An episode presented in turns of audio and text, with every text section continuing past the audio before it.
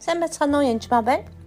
Түрүүчийн хичээлдээ би хичээлдээр би гимшил, уучлал цэвэрлэгээний тухай ярьсан бол энэ удаа гимшилтэй холбоотой залбирлыг яаж талаар дахиад бас нэмэлт тайлбар өгье гэж бодлоо. Тэгэхээр хамгийн энгийн жишээ байна л да бууз хийх.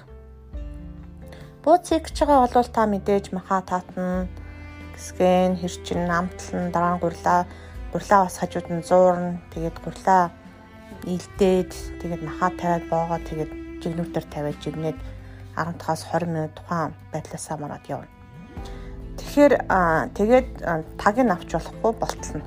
Тэгэхээр энгийн нэг буузан дээр хоолны технологи байгаатай адил жишээлбэл та эхлээд одоо магадгүй чимэгчээд дараа нь махаа хийн гэх юм бол боломжгүй.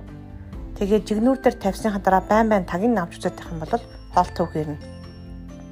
Тэрнтэй адилхан альва залбиралд альва дарагчлалд яг ялангуяа сүнслэг ертөнцид өөрийн гэсэн дүрм журам дараалал стратеги байдаг. Аа тэгэхээр ихэнх хүмүүс жишээлбэл эдгэрлийн төлөө залбирахдаа аа одоо Иесусийн нэрийн өвч эдгэр гэсэн боловч өвч нь эдгэрээгүй хахад клайм хийгээл аваад идэг. Нэгсэндээ дотор нь бууза тавихгүйгээр жигнүүр дээрээ буузгүй жигнээд л 15 минут болохоор нь аваад бууз байхгүй юу ч болоогүй. Тийм асуудал гаргадаг. Эхний асуудал юу вэ гэхээр эдгээрт нь та хэрэг центр байна уу гэдэг асуудал. Түүний үг таны дотор байна уу? Тэгвэл залбирал үр дүнтэй болж байгаа. Тэр эхний алтмаа заавал биелүүлэх ёстой. Та хэрэг центр байна уу? Энэ асуултыг та өөрөөс асууж өгөөрэй. Өө би байх ёстой штэ битгэх юм чинь гэж бодож байгаа бол Таны дотор амар амгалан байна уу? Би хэрэг центр байгаагаа яаж мэдэх вэ? Таны дотор амар амгалан байна уу? Таны дотор баяр баясгалан байна уу? Инэрл нэгүсэл байна уу? Хайр байна уу? Таны дотор ариун сүнсний үржимс байна уу гэдэг хэвдэл чухал. Тэгэхээр тэр хүртэл очтлоо бас жоохон хуцаа орно. Жишээлбэл мод тарилаа гэж бодоход алюминий мод тарихад суулгалаа, буллаа, хүлээлээ, мод гарч ирлээ дараа нь үр жимс гартлаа жоохон хугацаа ордог. Түүнтэй адилхан итгэгч нар ч бид нар ч гэсэн бас хугацаа орох тийм төслүүд байдаг. Их мэдлээ мэдэх үед залбирах үед мэдээж итгэх нь ойлгомжтой. Гэхдээ тэр боталт үр жимсийг маш хурдан хүсэмжилж идэг. Гэтэ үр жимсийг хүсэмжлэхээс өмнө эхлээд Христийг хүсэмжлэх ёстой. Та Иесус дотор байна уу? Нэг хоёрдугаар эдгэрэл цэвэрлэлтийн залбирал хийхдээ одоо би гимшиж байна. Намайг гимшихгүй та уучлал цэвэрлж өгөөч гэдэг маш энгийн залбирал та.